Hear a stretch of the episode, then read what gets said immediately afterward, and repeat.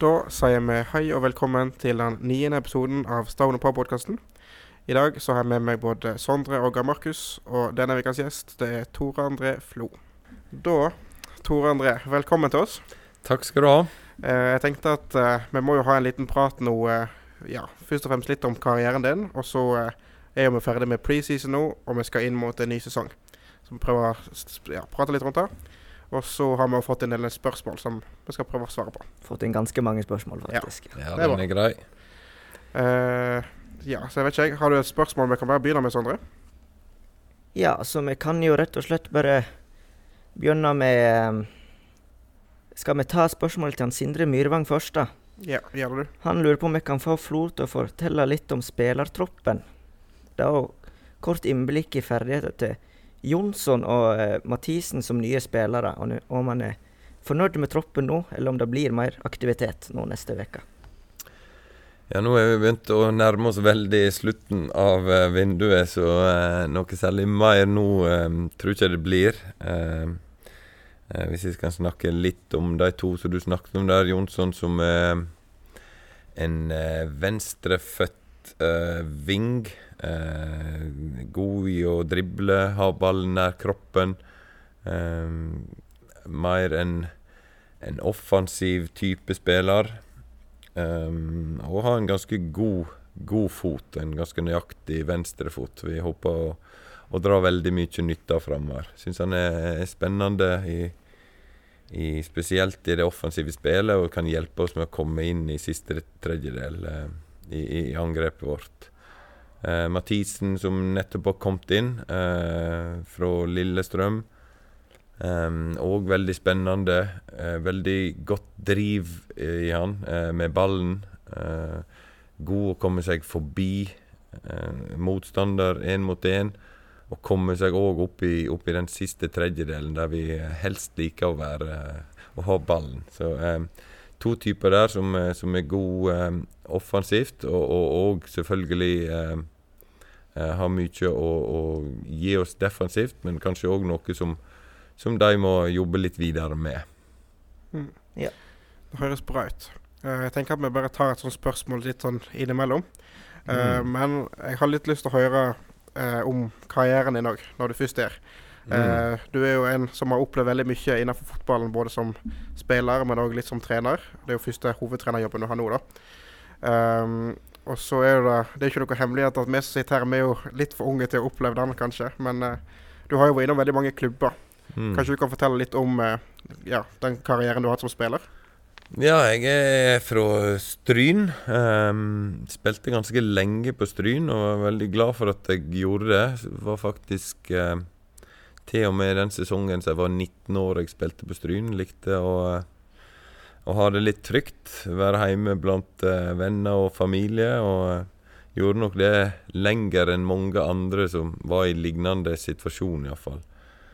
Uh, så gikk jeg til, til Sogndal i det året jeg var 20. eh, og var et veldig fint steg for meg. Eh, Jeg spilte da først i samme ligaen som Sogndal er i nå, ett nivå ned. Eh, og etter hvert da så begynte ting å skje veldig Veldig hurtig, og eh, var via Tromsø og, og kom meg inn på landslaget. Var i Brann.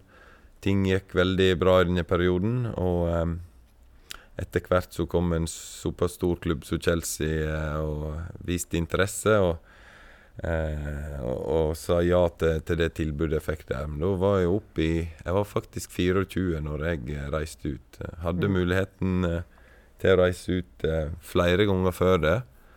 Men eh, jeg var nok av den typen som likte å eh, Å være fullt klar for ting før jeg reiste ut. Mm. Er det en ting som du kanskje tror har endra seg litt nå til og med i moderne fotballen, at folk reiser tidligere, eller? Folk reiser definitivt eh, tidligere ut. Eh, av og til så tror jeg Ja, en sier at en skal reise tidlig, men eh, det er ikke alltid det er like lurt, selv om eh, en gjør ting i dag, og fotballen har forandra seg, og alt det der. Um, det er veldig fokus på at en skal reise ut, og reise ut tidlig. Det er ikke, det er ikke noe som passer for alle, føler jeg. Mm. Men det er litt i, i fotball nå at det, at en, en får en muligheten, så, så, reiser en ut. Og det skal en i grunnen òg gjøre, også, men det, det spørs hva slags type du er som menneske. Det, det er ikke vits å, å, gjøre noe som ikke passer, passer en som, som type. Mm. Eh, litt videre, da etter at du var i Chelsea, hvor hen uh, gikk turen da?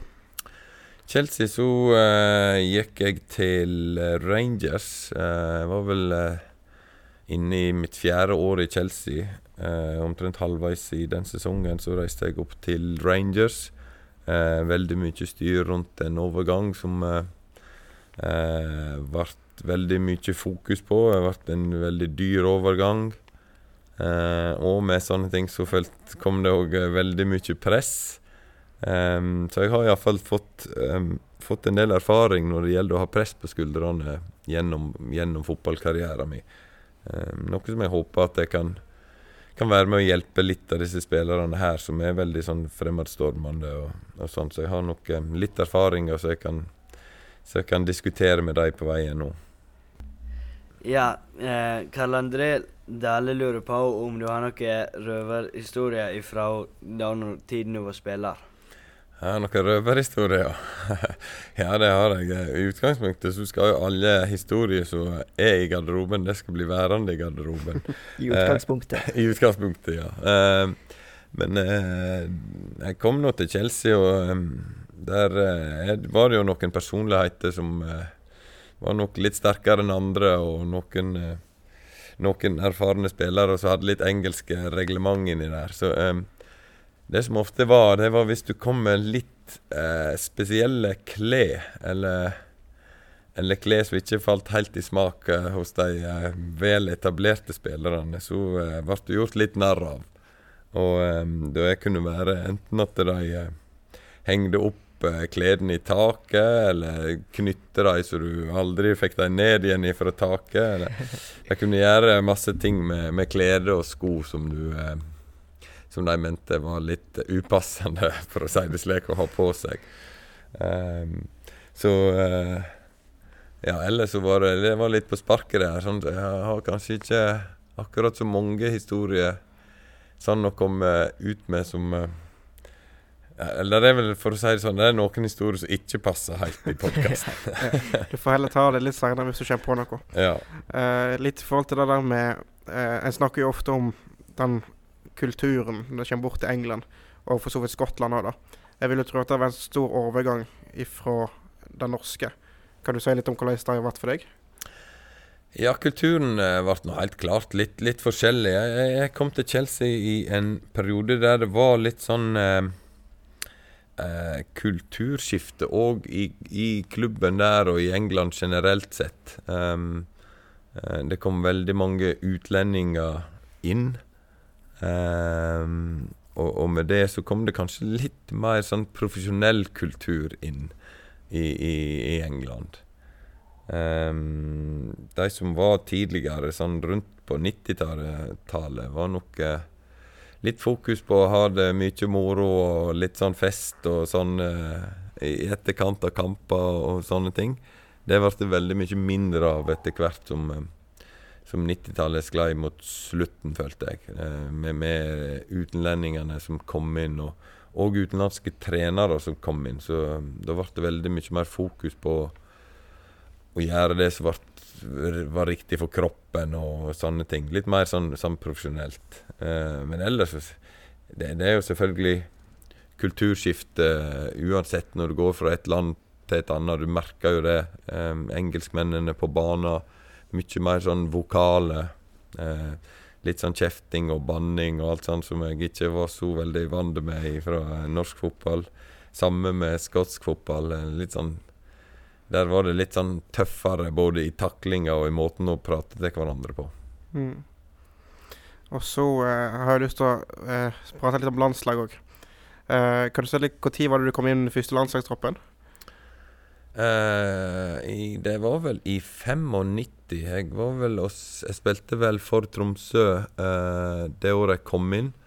Jeg fikk faktisk min debut mot England på Ullevål. Mm. Um, så det var ikke bare bare motstander jeg, jeg hoppa inn i. Jeg husker jeg spilte høyre ving første kampen mot Stuart Pears. Uh, jeg hadde voldsomt tynne bein. Men Stuart Pers hadde iallfall dobbelt så stor eh, muskulatur rundt mål, eh, låret som jeg hadde. Så eh, det var en tøffing å møte, men eh, det gikk ganske bra i kampen likevel. Eh, det ble 0-0 i den kampen til slutt. Mm. Ja. Og så er det jo et veldig åpenbart spørsmål, riktignok, men vi må jo innom eh, Brasil-kampen i Marseille. Mm. Eh, du var jo ganske så sterkt delaktig i den kampen. Eh, kan du fortelle litt om ja, hvordan, først og fremst hvordan opptakten til den kampen var? Vi måtte jo vinne. Ja, altså eh, Dette var jo på en måte andre gang på rad at Norge hadde kvalifisert seg. Og ehm, eh, nå hadde virkelig hele nasjonen lyst til å komme seg videre fra gruppespillet. Eh, men det, etter de to første kampene så hadde vi to poeng og måtte faktisk slå Brasil. Eh, og alle visste at det var kanskje det beste laget i verden, så det var ikke noe lett oppgave. Um, så litt blanda følelse liksom til å gå inn i den kampen. Vi hadde jo håpa på at vi eh, hadde gjort jobben før vi måtte inn i en sånn kamp mot Brasil. Eh, I tillegg så hadde vi slått Brasil året før. Og de var utrolig revansjelystne på, på å ta oss. Det var ikke noe Brasil-lag som som ville ha et nytt tap mot Norge. Så um, sånn var liksom oppbygninga, der vi absolutt måtte vinne, uh, rett og slett mot Brasil, som var, var vel regna for å være verdens beste lag uh, i den tid. Mm. Hadde det egentlig sånn innerst inne tro på at de kunne vinne? Vi hadde nok trua på det, for vi hadde jo slått dem eh, året før. Samtidig så visste vi òg at dette her eh, Nå er vi opp mot det aller, aller eh, beste av, av fotballspillerne. Så tøft visste vi at, at det ville bli. Det, det var helt sikkert. Men eh, vi var kommet til EM og hadde lyst til å bite fra oss, og ville iallfall gjøre alt, alt vi kunne for å, for å avslutte på best mulig måte. Mm. Og så eh, Det var jo sånn at det lå under 1-0 der først. Det var jo ikke akkurat den starten på kampen jeg ville ha, men eh, du skåra 1-1 der. Ja, altså Det var egentlig 0-0 ganske lenge, og så får du den i trynet og når Brasil går opp til 1-0 der, og da ser ikke det akkurat så veldig mørkt ut for oss. Eh, Men samtidig så iallfall jeg fikk en følelse av at eh, nå er det søren ikke lenge igjen. La oss bare gi alt vi har. Eh, Så er det snart slutt, og da får vi se har vi klart det eller ikke klart det. Vi skal iallfall gi alt. Jeg tror det var litt sånn Sånn der vi følte og tenkte eh, når det drog inn mot, inn mot slutten av kampen. Så fikk jeg meg en ball eh, opp langs sida med Bjørneby. Eh, klarte å dra meg inn og få avslutta på mål, og så at ballen gikk i nota. Eh, veldig deilig følelse, selvfølgelig. Eh, men òg eh, det beste med det var vel at vi fikk uh, igjen trua på at uh, dette kan vi klare. Eh, og det, det ble ei, ei lita sånn vitamininnsprøytning i oss. Ikke så lenge igjen. Her har vi muligheten. Ett mål til, så er vi plutselig videre. Mm. Ja eh, jeg, vet ikke, altså, jeg vet ikke om jeg klarer å se det for meg engang. Jeg, jeg har, har, har liksom tenkt på hvor artig det hadde vært å få oppleve bare å se det òg. Mm. For altså, hele Norge fulgte jo med, virker det som. Ja, dette betydde jo utrolig mye for hele Norge. Det merka jeg jo eh, spesielt etter kampen. da eh, Å se hvordan Norge tok fullstendig av eh, i timene etterpå. Det var, det var utrolig å se. Jeg har nevnt at vi, vi kom tilbake til hotellet etter vi hadde vunnet, og vi var jo i godt humør selvfølgelig alle sammen. Vi hadde fått NRK på hotellet så reportasjer fra Norge og, og, og se folk som jeg kjenner fra Stryn. Jeg hadde hatt kamera i Stryn, og hele Stryn fullstendig amok med å bade i fontenene der og opp i lyktestolper. Og absolutt alle helt, helt supercrazy. Det var, det var spesielt å se, altså. Mm. Eh, det vinnermålet Du var jo ganske så delaktig der òg, i, i og med at du fikk straffen. Det Mm. kom en del av avisoverskrifter òg i ettertid, spesielt fra andre land rundt eh, den situasjonen.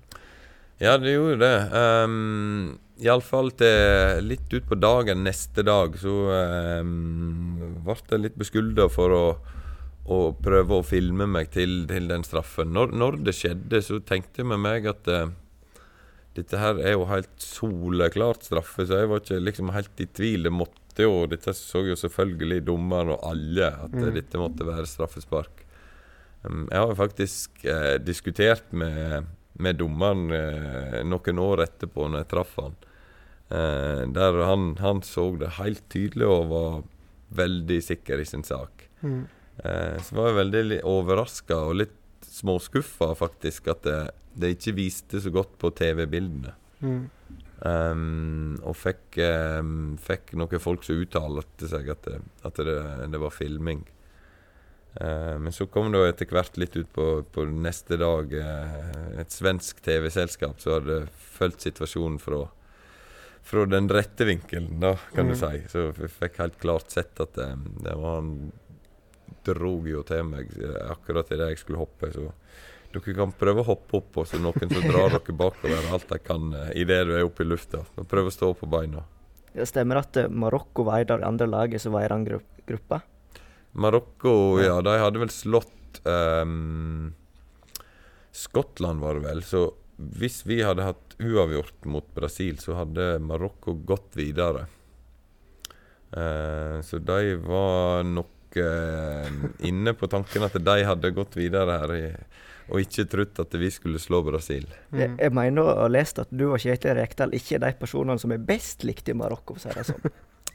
Nei, det var nok eh, sånn en stund at eh, de switcha nok over på den kampen vår og så at eh, vi klarte å avgjøre det til, til vår favør eh, på slutten der. Men eh, eh, de, de må vel ta Brasil for det, ikke, ikke det at det var vi som klarte å slå dem. Da kan vi bare snakke videre om karrieren din, da. Vi var jo innom Rangers nå, så du var vel i flere klubber etter det også? Ja, etter Rangers så var jeg en sesong i Sunderland, eh, tilbake i Premier League. En eh, flott eh, klubb, eh, men egentlig så var vel det på mange måter min tøffeste sesong. Eh, kom inn i et lag som eh, sleit litt, og vi fortsetter å slite gjennom den sesongen. Jeg hadde tre forskjellige managere i Sunderland på, på det året jeg spilte der. og... eh, og vi rykte ned. Eh, å rykke ned det er jo alltid tøft eh, for alle klubber som har forhåpninger og, og mål om å, å, gjøre det bra. Så um, det var en litt, uh, litt sånn tøff periode, akkurat det. Så um, jeg enda opp med å prøve meg i Italia. Jeg hadde egentlig alltid et lite ønske om å spille fotball i Italia, for uh, i oppveksten så uh, uh, så fulgte jeg ganske tett på italiensk fotball. Hadde noen spillere som jeg eh, beundra litt ekstra, som Maradona og Gullit, og med mange andre. De spilte i Italia. Syntes det var en, en tøff liga. Og, og der hadde jeg lyst til å, å, å spille, og fikk spille to sesonger med Siena. Et lag som eh, for første gang i historien hadde kommet opp i Serie A. Eh, og da var det, det var faktisk deilig å spille fotball for en klubb som var utrolig glad for hvert poeng en tok. For da hadde jeg spilt fotball på et, på et sånt nivå og på, på, en, på så store klubber at det blir forventa nesten at eh, hver gang du spiller fotball, så skal du vinne kamper og, og en må skåre mål og alt sånt. Men eh, nå var vi faktisk i en klubb som var utrolig glad for hvert resultat vi, vi, vi klarte å få inn. Mm. Eh, Er det noe som du merker sånn i for, forhold til f.eks. For Chelsea, da, der det kanskje var flere sånne store stjerner, sånn at det var et sterkere samhold i et sånt lag i Italia? På mange måter, ja. Um, Iallfall når du kom på et, i en klubb, ganske liten klubb. Um, alle jobba litt sånn for hverandre der, ja. For um, det betydde utrolig mye for byen og for laget å, å holde seg eh, i divisjonen. Og vi klarte faktisk å holde oss begge sesongene jeg var der. Um, og det var omtrent som å, å være i en klubb som vant serien. Da. Det, det at en klarte å holde seg. Da samles både lag og alle i byen på Eh, på plassen der midt i sentrum, Piazza del Campo heter den. Eh, full fest, og alle kom der til å feire omtrent som vi, vi hadde vunnet ligaen. Men eh, det som de var glad for, det var at vi klarte å holde oss. Mm.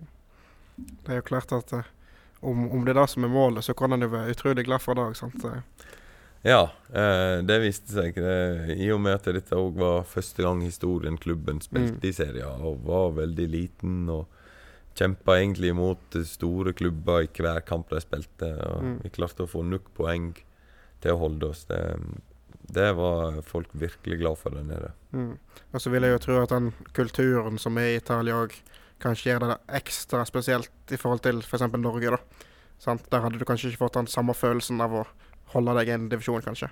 Nei, de er flinke å vise følelser i, uh, i Italia. Um, det, var, det var kjempekjekt å se hvor glad folk ble. Uh, I Norge så måtte du slå Brasil i VM for å få litt av det samme. Nei, det var kjekt, det òg. Yes. Jeg tenker vi kanskje kan ta et nytt spørsmål. Ja, vi kan ta et uh, nytt spørsmål her, da. Uh, ja, vi kan eksempel ta Ja, vi kan ta dette spørsmålet, enda et spørsmål fra Sindre Myrvang. Mm. Han uh, lurer rett og slett på hvordan er det å ha en egen is oppkalt etter seg? Ja, dette uh, spurte faktisk ungene mine eh, for òg for litt siden. De var ikke klar over at det var en, var en is eh, som var oppkalt kalt etter meg. Det er jo noen år siden den var. Men eh, det var artig, det. altså. Jeg likte veldig godt eh, isen. jeg. Han heter vel Flonaldo. Helt fantastisk navn det hadde. ja.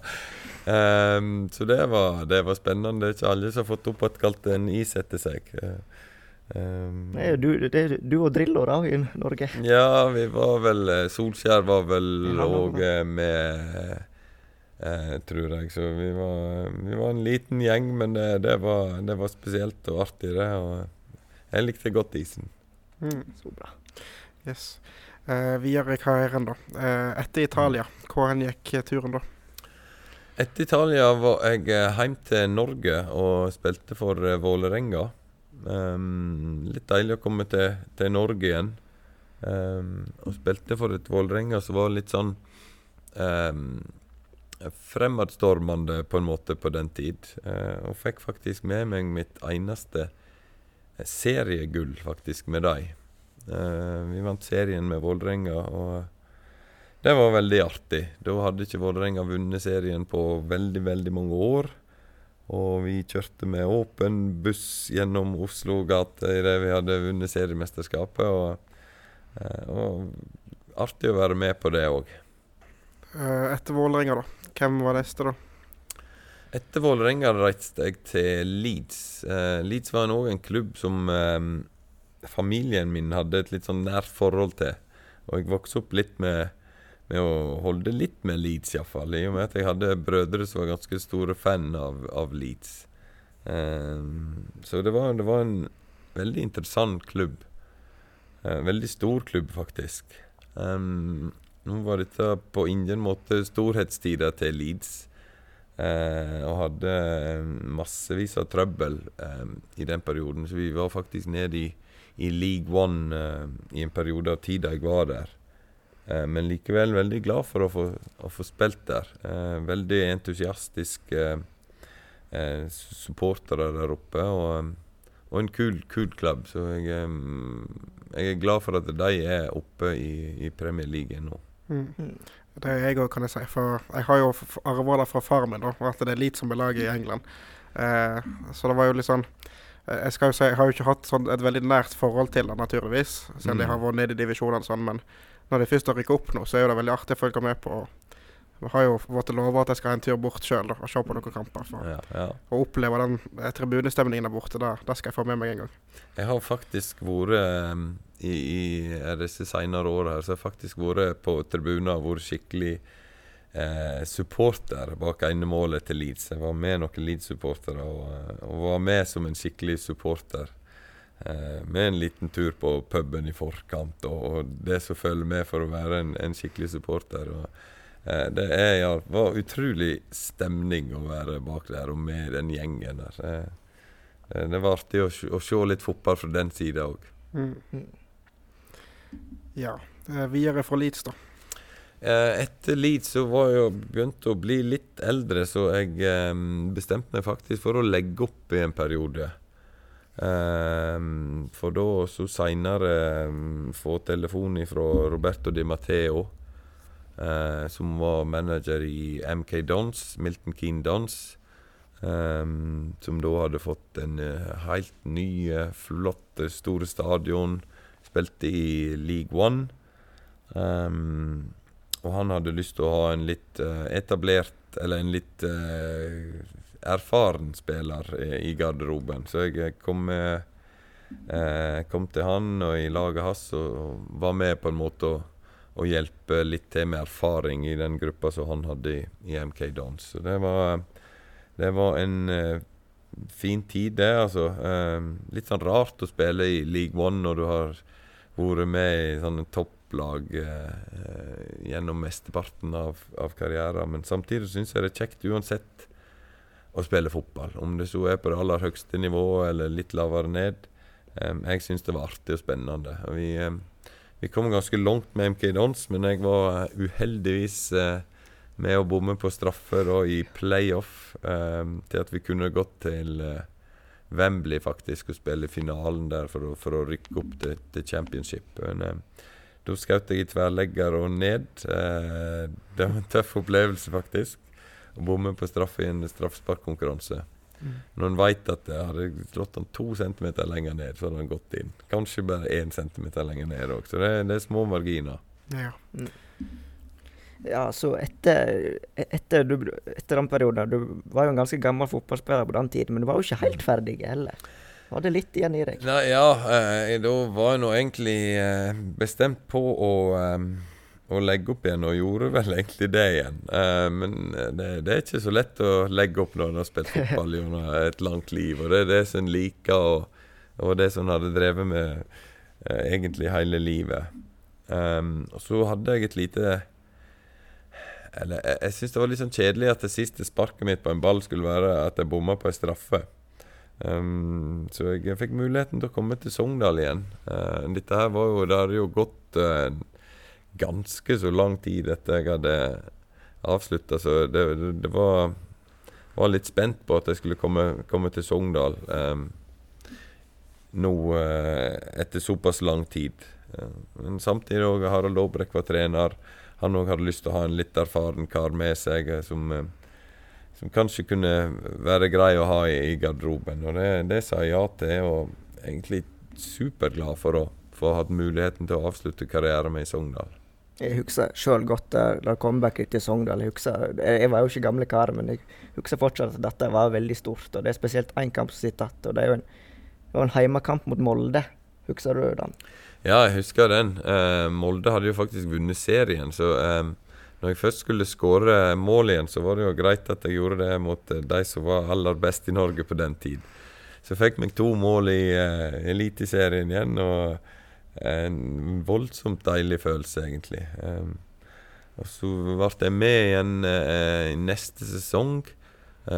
Selvfølgelig så var det vanskelig uh, å å ha en fast plass på laget, så det ble en del innhopp og sånne ting. Og jeg var faktisk nede og spilte med Sogndal 2 òg. Og um, fikk iallfall med meg at det, det, aller siste sparket jeg hadde på ballen før jeg uh, gikk av banen, det var å skåre et mål. Og da var det på sin plass, å, og nå kan jeg iallfall legge hylla, eh, skoene på hylla. Det var en fin følelse. Litt bedre enn en straffebom. Det, det var det. Så da, da kunne jeg eh, nå kunne jeg puste ut eh, og være, være, glad for det siste sparket. Ja. Og i dag så sitter du her som hovedtrener for Sogndal.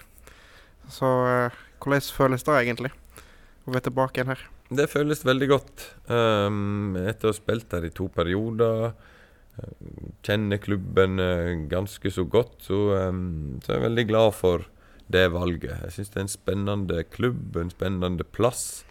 Og her er masse um, muligheter for å utvikle spillere her. Så det, det, er jeg veldig glad for, det valget jeg har tatt der. Mm. Men jeg tenkte sånn, Før vi skal snakke litt om årets sesong og hva tanker vi har om det, så må vi òg nevne at du har jo hatt en del jobber innenfor fotball etter at du slutta, eller la opp da som fotballspiller. Eh, du har bl.a. vært en del i Chelsea. Kan, kanskje du kan fortelle litt om de oppgavene du har hatt der? Jeg begynte i Chelsea um, egentlig rett etter jeg la opp uh, å spille fotball. Og um, gikk over i ei rolle på akademiet i Chelsea. Uh, der jeg trente 14-åringene noen sesonger. 15-åringer um, trente jeg. Laget da, til, til, de, til de årsgruppene der. Lærte utrolig mye, faktisk, å, uh, å være trener på et sånt akademi for en så stor klubb.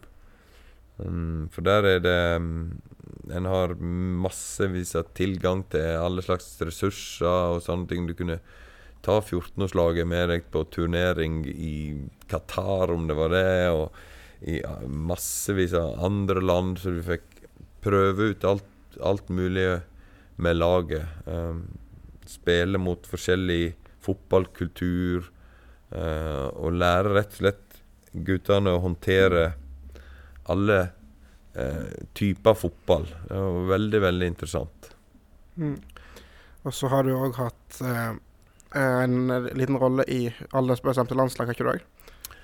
Ja, vet, jeg var, kan nok kanskje òg nevne at de siste fem åra så var jeg i, i långruppa i Sogndal. Altså Chelsea satsa mm. ganske mye på å låne ut spillere. Mm. Um, så var jeg da ansett fra, fra Chelseas side til å Um, se litt etter disse uh, karene som var ute, snakke med treneren der de var, snakke med spilleren, si hva de gjorde bra, hva de må jobbe videre med, og hjelpe dem å utvikle seg um, individuelt. Um, det òg lærte jeg veldig mye av. Spesielt det med å prate med managere rundt om i disse klubbene som de var i. Så jeg, jeg fikk en, en veldig uh, utrolig inngang til å besøke andre klubber og komme litt sånn på innsida av dem. Eh, og hvordan mange managere tenkte, og hvordan de jobba. Så det var veldig interessant. Eh, så samtidig, på slutten nå, så hadde jeg eh, assistentrolle på U21-landslaget til Norge. Da fikk jeg jo jobbe med de største talentene i Norge òg, så det òg var selvfølgelig veldig, veldig interessant med Leif Gunnar Smerud som, som hovedtrener. Mm. Jeg regner med at du gjennom disse rollene her har kanskje samla kunnskap og erfaringer som kan være nyttig nå som hovedtrener? Ja, jeg håper og tror det at jeg har litt eh, kunnskap å ta med meg inn i den rolla som jeg har um, valgt å gå nå. Uh, jeg har iallfall vært rundt fotball og rundt managere og trenere i, i, over mange år nå, så jeg har fått ganske mye impulser iallfall. Så, eh, så er det jo litt Uh, selvfølgelig litt spennende og ikke veit helt hva en går til når en går inn i, i samme typen sjøl, men jeg har iallfall en visjon om hvordan jeg vil gjøre ting gjennom, gjennom, det og opplevd veldig mange andre som har gjort det. Uh, nå tenker jeg at vi skal bevege oss litt mer inn mot ja, denne sesongen her, og hvordan det er å være trener for Sogndal. Så du Markus har vel noen spørsmål som vi har fått inn? Ja, han Bjørn Skalle lurer på hvordan du ser for deg det blir i denne sesongen, og så hvordan det var å komme fra England til Sogndal. Ja, hvordan jeg ser for meg at det skal bli. Jeg eh, håper at vi kan komme godt i gang. Eh, det er alltid litt sånn viktig eh, med ny sesong å få i gang starten. Eh, Eh, det er ikke sikkert det skjer. Jeg har spilt sesonger som har enda opp veldig bra, selv om det ikke har starta så bra òg. Um, men det er det jeg ser, ser for meg, iallfall, og, og håper på. Uh, så ja, overgangen ifra å komme til, til Sogndal fra England, det er jo selvfølgelig en, en, en overgang, det òg. Uh, I England så var jeg midt i sesongen um, når jeg reiste og hadde jobba uh, en halv sesong allerede i, i, sesongen, og så plutselig eh, kommer du her til det og har eh, tre måneder med oppkjøring. Så eh, Litt sånn rart sånn sett, men det var bare en omstilling som, som, gikk, som gikk, greit, syns jeg. Mm. Uh, I forhold til den prosessen uh, ifra Altså den ansettelsesprosessen, da. Kan du si litt om hvordan den gikk for seg? Ja, altså Sogndal eh, ringte meg og um, spurte om dette kunne være interessant. Um, jeg syntes selvfølgelig det var interessant uh, med en gang.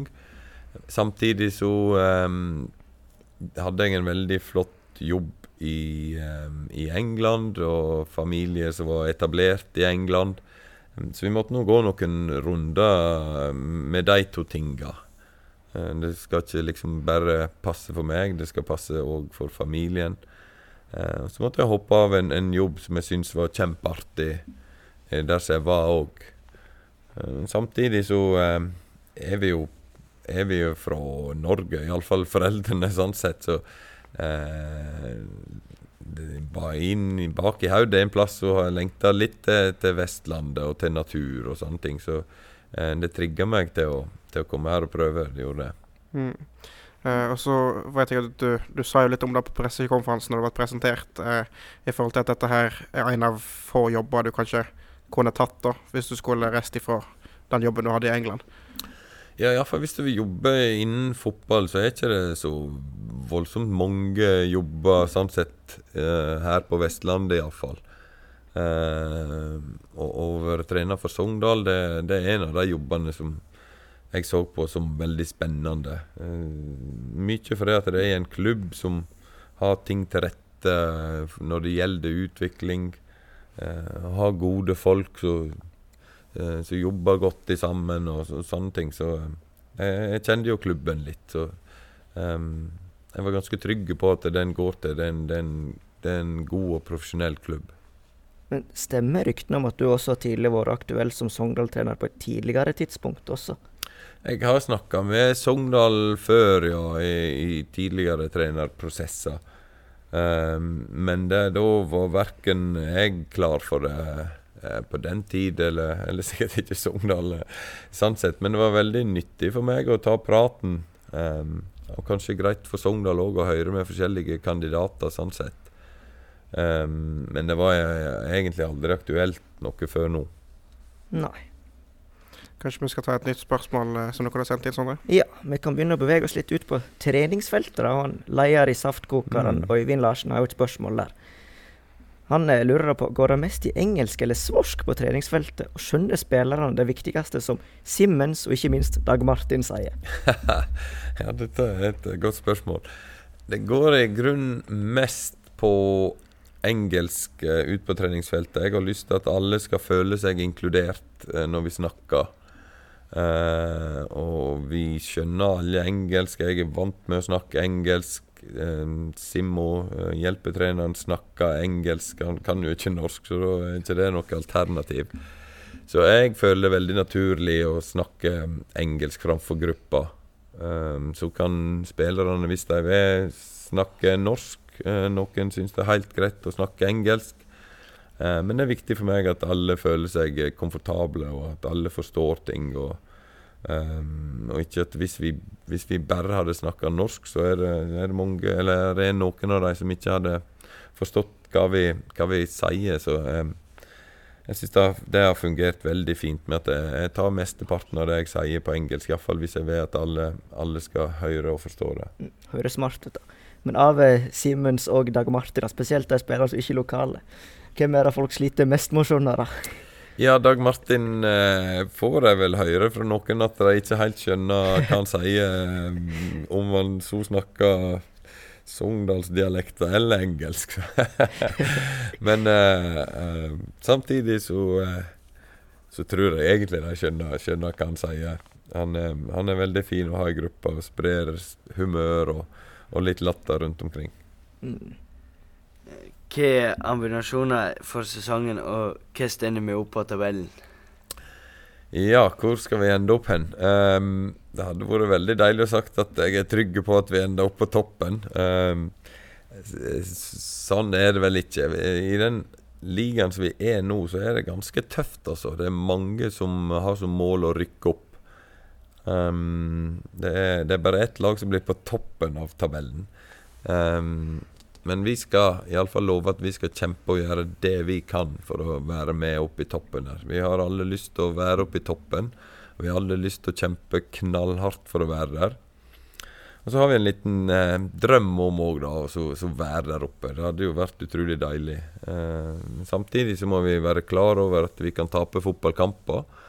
Og når det skjer, så kan ikke vi grave oss ned. Vi må da være positive og snu trenden og så fort som mulig eh, begynne å vinne kamper igjen. Ja, Hva du tror du om bortekampen mot uh, Brann? Ja, her i Sogndal så prater veldig mange om den kampen der. Det er ikke den kampen jeg tenker mest på akkurat nå, iallfall. Um, det er viktig for oss, vet du. ja, ja, jeg vet at den er viktig for supporterne. Det som er viktig for meg, det er å, å vinne fotballkamper. Um, Og nå først så er det Raufoss, og så er det Stabæk. Og så er det noen kamper um, før den brannkampen, så jeg personlig uh, kommer ikke til å legge opp noe spesiell taktikk uh, inn mot den uh, foreløpig, før, eh, før vi har spilt de andre kampene. Mm. Eh, og så har vi fått et spørsmål fra Olai Årdal. Eh, han lurer på hvem som har best hall av Jølster og Sogndal. Det var jo der og trente i går, eh, oppe i Skei. Ja, vi var og, og trente i, i Skeihallen i går, og um, jeg var ganske imponert over og den hallen. Selvfølgelig, så når ting er helt nytt, så, uh, så er det flott uh, uh, å være der. Um, nå er jo hallen vår litt, litt eldre, og kanskje underlaget òg litt en del eldre enn det som, det som er der. Men å stå her og si at den ene hallen er bedre eller hin, jeg, jeg, er veldig glad for at det er flere haller som dukker opp. Um, for det at det kan gjøre at uh, flere talent dukker opp. Mm. Um, og det er det, det vi alle vil ha. Så uh, om vi skal diskutere hvilken hall som er best, vi kan heller diskutere hvordan vi kan gjøre spillerne best mulig. Høres ut som et fint svar. Ja. du nevnte jo dette med underlaget nå, da. Mm. Og da har jo han Øyvind Larsen et spørsmål her, da. Han lurer lett og slett på hvor ofte legger det opp til å trene og spille kamper på ekte grasbane i år? kan det, kan det være vesentlig for skadeforebygging og for å ta poeng, f.eks. mot, mot Brann, der er det jo ekte gress. Og skal det f.eks. da trene mye på Hafslobanen de gangene man må det? Ja, så nå er de aller fleste kampene på kunstgras. Uh, vi har kunstgrasstadion her. Vi har alle fasilitetene rundt trening her på, på stadionet vår. Så det er litt sånn praktiske utfordringer hvis vi skal flytte alt mulig og, og trene på Hafslo og sånne ting. Eh, det blir nok vurdert og, og tenkt på. Um, så får vi se hva vi gjør, hva vi ender opp med, hva som er best sånn alt i alt eh, til slutt med det. Det kan hende at det er greiest å trene der vi har alle tinga rundt oss, og alt er, er greit, og ting sklir veldig, veldig greit. Um, men da får ikke vi den feelingen som, som er på gresset. Så vi, vi, får ta den diskusjonen, og så får vi legge til plusser og minuser. Uh, og finne ut hva som, hva som, blir best foran de kampene. Uh, og så har vi fått inn et spørsmål fra Vidar Slettehaug. Uh, og her føler jeg vi trenger litt forklaring òg. jeg skjønner ikke helt hva han skal fram til, men han lurer altså på Eh, var det hens på vendinga slash mottaket når du utligna til 1-1 mot HamKam 2.10.1994? wow. Um, det må jeg faktisk innrømme at jeg husker ikke situasjonen. Nei. Um, det kan med ganske stor sikkerhet si det at det var iallfall ikke vilje hens hvis det var hens. Eh, jeg regner med det var jeg som var borti ballen. Og, det høres nesten sånn ja, ut, men uh, ja. Jeg vet ikke. Nok, hvis jeg skal tippe, så var det nok ikke hands. Nei, da uh, sier vi at det er fasit. Ja. uh, ja. Og så har vi fått inn litt spørsmål uh, der som du har, Sondre, i forhold til spillertropp og sånn. Ja. Han, en som heter OM Hagen, han lurer litt på dette der med Forsvaret. Akkurat nå så er det mange stoppere i klubben. Hvordan skal du holde alle happy, og har du bestemt deg for to som er førstevalget nå? Ja, altså som trener så har du lyst til å ha um, litt uh, dubbeldekning rundt, uh, rundt, om på plassene. Um, uh, I Forsvaret er òg en, en, viktig plass å ha dubbeldekning. Um, vi, vi har òg lyst til at det skal være konkurranse. Ehm, det tror jeg faktisk til og med spillerne har lyst til, å skjønne at det er veldig bra for en. en eh, hvis en veit at en har fast plass, samme hvordan en spiller, så, ehm, så er ikke vi på en måte med å, å, å utfordre spillerne til å, å, bli bedre. Så um, at det er konkurranse, det er, det er kjempebra. Etter hvert nå så kommer jeg nok til å bestemme meg for hvordan um, hele laget vil se ut i første kampen. Men det er ikke sikkert at det blir det samme som i andre kampen. Så det er det det vil si å ha konkurranse. Det er, det er noe som spillerne òg må, må, lære å venne seg til. Eh, jeg husker jeg kom til Chelsea og spilte med verdensstjerner som å konkurrere med på spissplassene. Så um, det, det, er noe som får en til å vite at en må yte maks hele tida for, for, å fortjene en plass på laget. Så kan vi da bevege oss eh, litt lenger fram på banen. da. Hun, eh, Tonje Tangerud lurer altså på hvem er det som skal være midtbanegeneral? Sjef med stor S. Det har jo vært litt sånn mangel der etter at Sivert Mannsverk reiste, da. Ja, nå har vi fått uh, litt flere spillere inn på midtbanen. Um, jeg har ikke lyst til å utnevne en general sånn her. Det kan være uh, både feil av meg på, på flere måter. Um, men at uh, jeg prøver å um, å finne den type spillere i spillergruppa, det, det, er klart. For det, det trenger et lag. en, en som dirigerer litt mer enn enn andre spillere. Samtidig så har jeg òg lyst til at alle spillerne skal ta litt tak med dette med å dirigere, kommunisere rundt seg, sånn at vi um, hele tida klarer å dekke lukene uh, så ingen, ingen, kan komme gjennom oss. Og alle tar det ansvaret. Um, så det, det, er noe vi helt klart jobber med, men ikke bare med én spiller, med, med hele laget, faktisk. Mm. Så han, eh, Geir Frode Lunden han har enda et spørsmål da, om treningene. Han snakker om at i tiden under Eirik Bakke da, så var det ofte ganske store staller, så trener de 11 mot 11. Du, føler du du har samme muligheten i dag? Ja, nå faktisk trente vi 11 mot 11 i dag, så vi har iallfall muligheten til det. Men samtidig så vi, har jo et eh, Sogndal 2-lag, og der eh, er det litt yngre spillere. Og det er viktig å ha litt muligheten til å ta opp spillere der av og til, så de får snuse litt på hvordan det er eh, opp med, opp med førstelaget. Um, hvis vi har en altfor stor stall, så får du sjelden mulighet til å gi dem litt sånne muligheter til å hospitere litt opp. Den, den er viktig å jeg har ikke lyst til at stallene skal bli for store, men samtidig må vi ha den stor nok til at vi kan tåle noen skader og, Eh, og litt rokeringer her og der. Uh, en ting som jeg lurer litt på i forhold til det um, en, en, ser jo ofte litt sånn uh, forskjellig fra trener til trener hvor mye en velger å uh, rullere på laget. Uh, sånn som f.eks. Bodø-Glimt. De har jo en veldig fast elver. Veldig lite sånn rotasjon. Hvordan tenker du der? Jeg tenker at ja, det hadde vært veldig flott å, å hatt en sånn fast elver og sånne ting, men akkurat nå så er det veldig òg sånn Alle ser etter Bodø-Glimt og, og, sånn. Eh, jeg, har spilt i klubber der ting har fungert veldig bra med masse rotasjon i, i spillergruppa. Og så har jeg òg spilt når en ikke hadde eh, rotasjon og ting ikke gikk bra, og omvendt. Så, um, jeg, jeg tror ikke det kommer til å avgjøre om en spiller i toppen eller ikke. Hvis en har ei spillergruppe som forstår hva vi vil, og én spiller går ut og en annen kommer inn, men likevel skjønner akkurat hva vi er ute etter, og um, da, kan, da, kan, det um, gi konkurranse i gruppa, og det, det kan slå positivt ut òg. Så det, det, er litt dette hva, hva treneren legger opp til. Jeg har lyst til at det skal være konkurranse. Jeg har ikke lyst til at det, en spiller som er ute av laget en dag, da veit at å nei, nå slipper ikke jeg inn igjen på to måneder, eller sånne ting. Det har jeg ikke lyst til at spillerne skal føle. Um, jeg har lyst til at her i Sogndal skal de føle at det, det er mulig å trene godt, og, og, med det komme seg inn igjen på laget igjen. Mm.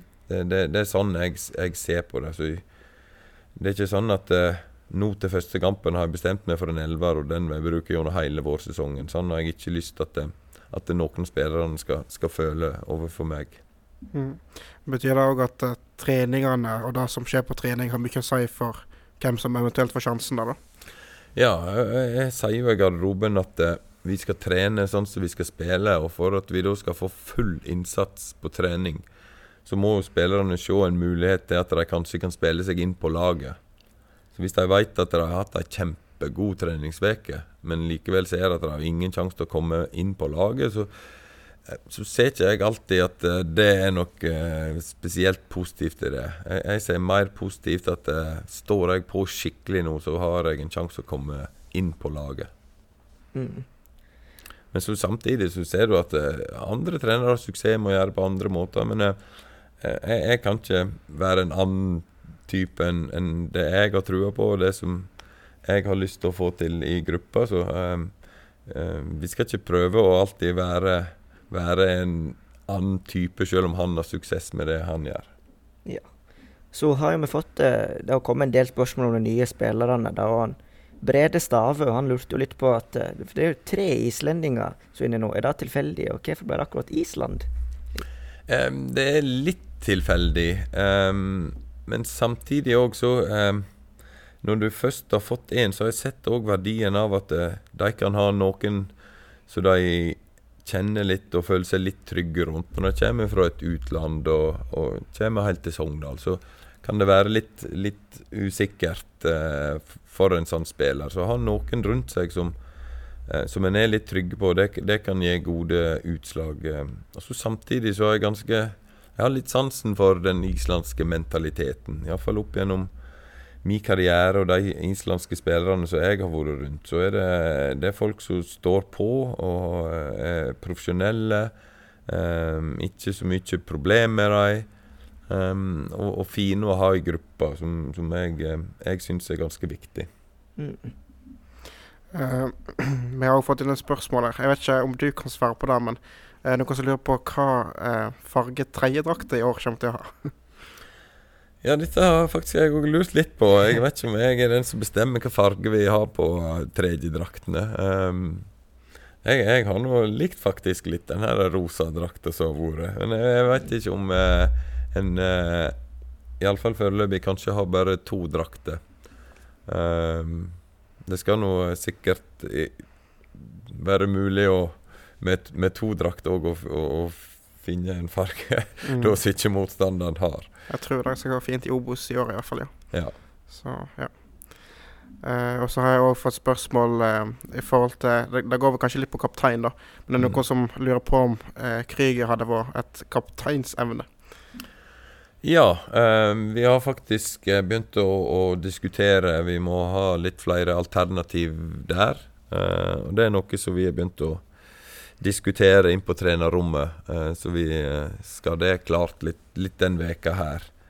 Hvem, vi, vi, bruker der. Og det er flere som har meldt seg på, på i den diskusjonen, syns jeg.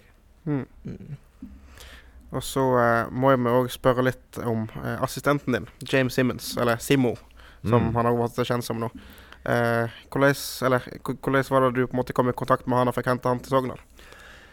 Eh, Simmo har faktisk vært i Chelsea hele den tiårsperioden jeg var der. Eh, han har vært en, en god spiller òg eh, for akademiet til Chelsea. Han gikk i gradene som spiller. Uh, og var litt ute i andre klubber etter han ble seniorspiller, og, og, kom tilbake igjen og begynte som trener på akademiet. Og der syns jeg Chelsea har vært så utrolig flinke å, å utdanne trenerne til å, til å, bli gode trenere. òg. for Chelsea de, de, de, har ikke bare fokus på å utvikle spillere, men de har òg eh, fokus på å utvikle trenere. Og, og de er veldig glad for at jeg, jeg har hatt muligheten til å, å, jobbe i Chelsea og kunne da spørre dem om eh, om jeg kunne få ta med meg Simmo til, til Sogndal i en periode. Det, det tror jeg òg spillerne har hatt, uh, hatt, veldig mye glede av, faktisk. Mm. Mm. Hvordan er situasjonen der uh, i forhold til han? Det var vel snakk om at han skal tilbake til sommeren, stemmer det? Ja, så i utgangspunktet så um, har Chelsea fått uh, gitt meg lov til å ha han fram til sommeren, så det er det som er utgangspunktet der. Eh, så etter hvert så må vi eh, se hva vi kan gjøre med det. Jeg kommer til å ta meg en prat med Chelsea om vi ikke kan eh, forlenge det litt, grann, men det, det, er ikke sikkert. For han, han er egentlig en arbeider under Chelsea sitt system. Mm. Mm. Det hadde uansett vært veldig kjekt da, å få han til Sogndal, tenker jeg. Ja, jeg prøver så godt jeg kan. Ja, det dette her er fotball. Det, det er sånne ting det er ikke alt en, eh, en, kan styre og få sånn som en vil, men um, vi, vi, skal prøve så godt vi kan. Mm. Og så en ting til angående det. Uh, vi har fått litt spørsmål uh, tidligere, det var ved forrige episode, tror jeg, uh, i forhold til hvordan det jobber i lag på feltet. Jeg har jo sett bl.a. at han sitter ofte oppe på øverste benk på tribunen og analys analyserer litt og sånn. hvordan er det det jobber i lag der?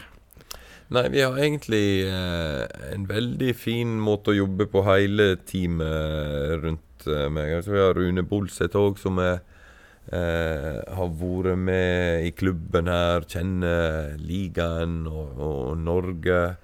Eh, jeg kan spørre han veldig mye om motstanderne.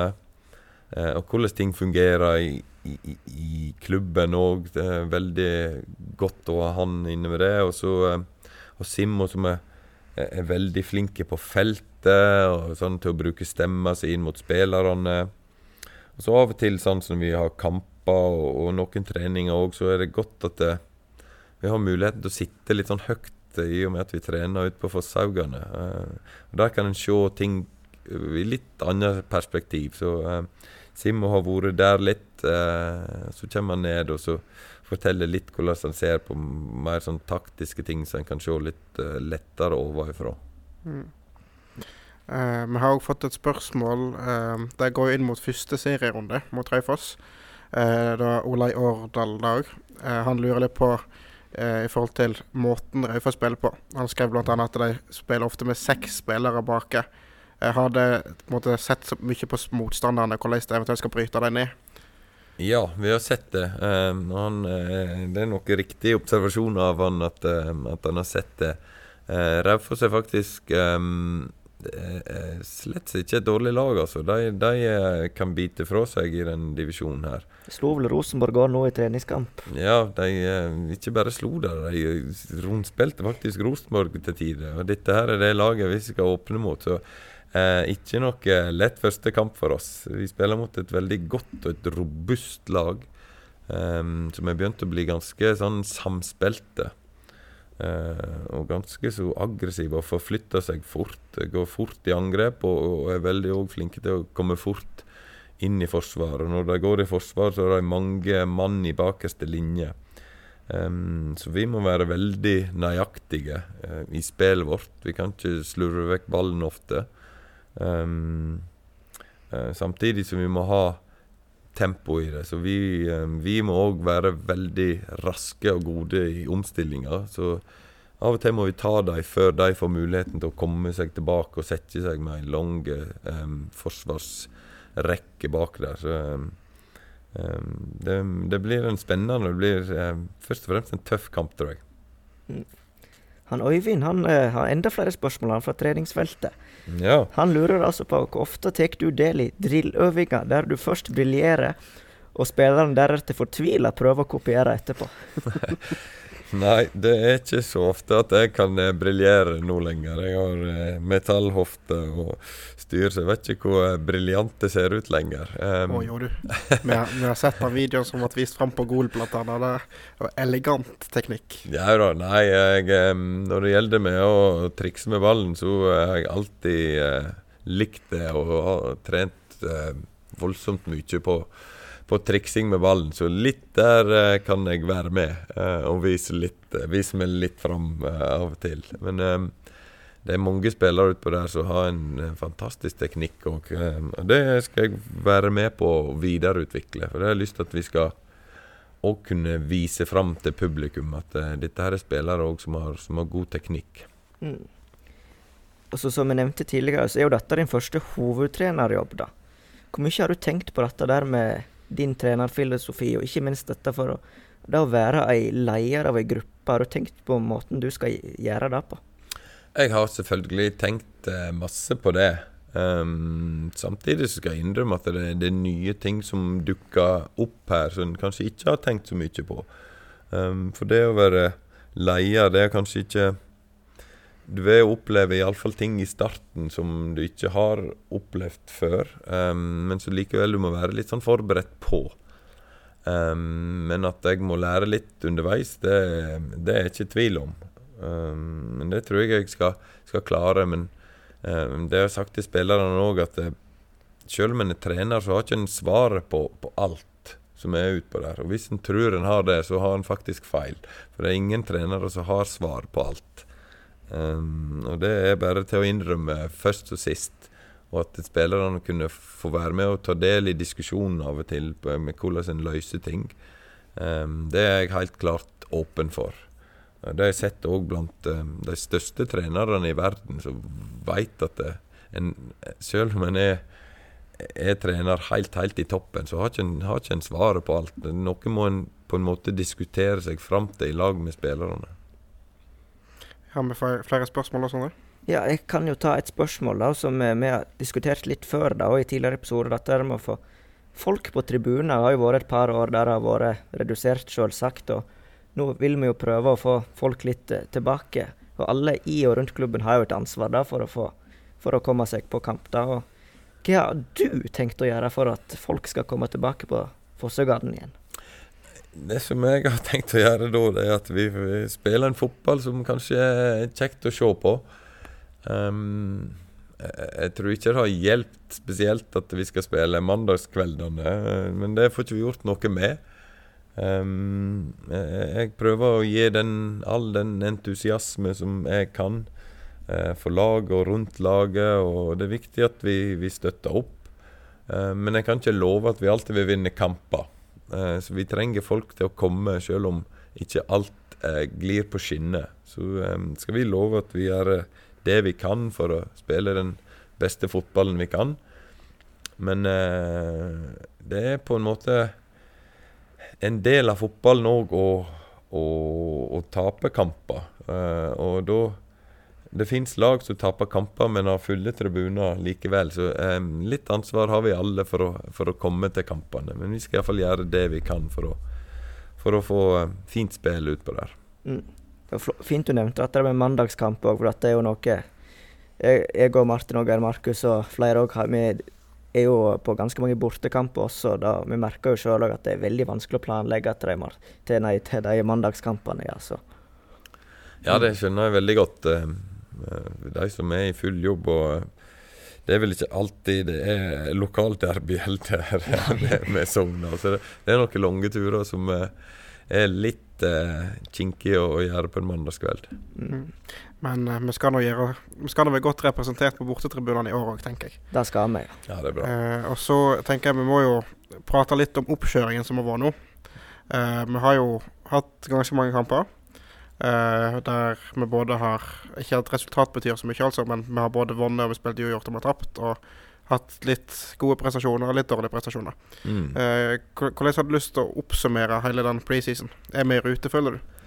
Ja, altså hvis jeg hadde sett for meg eh, preseason sånn, til å i det jeg kommer, så hadde jeg vel regna med at det skulle bli noen gode kamper, noen mindre gode, og kanskje noen dårlige inni der òg. Det, det, hører med litt til, til, til forsesongen. Um, eh, altså Hvis en hadde kommet inn og bare fått gode resultat opp til nå, og, og fått et sjokk i første serierunde, så eh, Eh, så hadde det kanskje vært litt sånn eh, vanskelig å håndtere òg. Nå, nå, fikk vi en, eh, en, kamp der vi ble eh, slått av et lag som spilte mye bedre enn oss på, på en kamp. Da har vi fått bilde av det, og, og, kan prøve å justere iallfall det før sesongen kommer. Så. Men sånn utgangspunktet så har du lyst til å vinne hver kamp og spille godt hver kamp. Om det så er treningskamp eller om det er viktig kamp. Men um, som jeg sa tidligere òg, det, det, det, er ikke alltid du får den til å skli like godt på skinnene. Så uh, vi har litt å, å jobbe med, uh, men føler òg samtidig at det, det, har vært en ganske så bra forsesong for oss. Mm. Så er det, Vi har jo merka nå i Det har jo vært en del treningskamper som har blitt utsatt pga. korona og litt sånt. Hvordan føler du at det har påvirka denne perioden? Det har ikke påvirka, iallfall ikke meg, så veldig mye. Uh, du forbereder deg til kamp, og så blir det litt forandringer. Det er sånt som vi må ta profesjonelt. Vi kan ikke finne unnskyldninger i at uh, 'Å ja, vi hadde planlagt ditt og datt'. Jeg tror det er bare til å justere seg, og så går du med friskt mot igjen. Um, altså, um, det som er viktig for meg, det er at jeg ikke, ikke vil lete etter unnskyldninger som kan gjøre at det, ja, det kan føles litt be mer behagelig å ha funnet en unnskyldning, men det hjelper ikke oss til å bli bedre. Så jeg ser heller på ting som vi kan forbedre og utvikle oss på, enn, enn å finne ting som gjør at vi ikke, ikke gjør det. Eh, og så, Nå nærmer vi oss eh, da slutten, men jeg tenkte å spørre litt eh, i forhold til din filosofi som fotballtrener. Nå er jo dette her første jobben du har som hovedtrener, men altså, det blir kanskje litt at du må prøve det fram og sånn, men har du liksom en filosofi, en, en ideell situasjon? Jeg har på en måte en filosofi som jeg tenkte når jeg spilte sjøl. Hvordan var det kjekt å spille fotball? Um, og det tror jeg sikkert de som er ute på banen der òg tenker. Uh, derfor har jeg lyst til å, å, ha en slags stil der alle spillerne involverer seg i oppbyggende spillet sitt. Jeg vil ha spillere som ønsker å få ballen, ønsker å ta løp. Uh, ikke redde for å slite seg ut. Altså det, det har jobbing som skal til, spesielt når vi ikke har ballen. Men først og fremst spillere som vil, um, vil, delta. Altså at de spør etter ballen. Um, og, og, og, involvere seg. Ikke, ikke tenke at, at nå, nå får andre gjøre noe bra framover.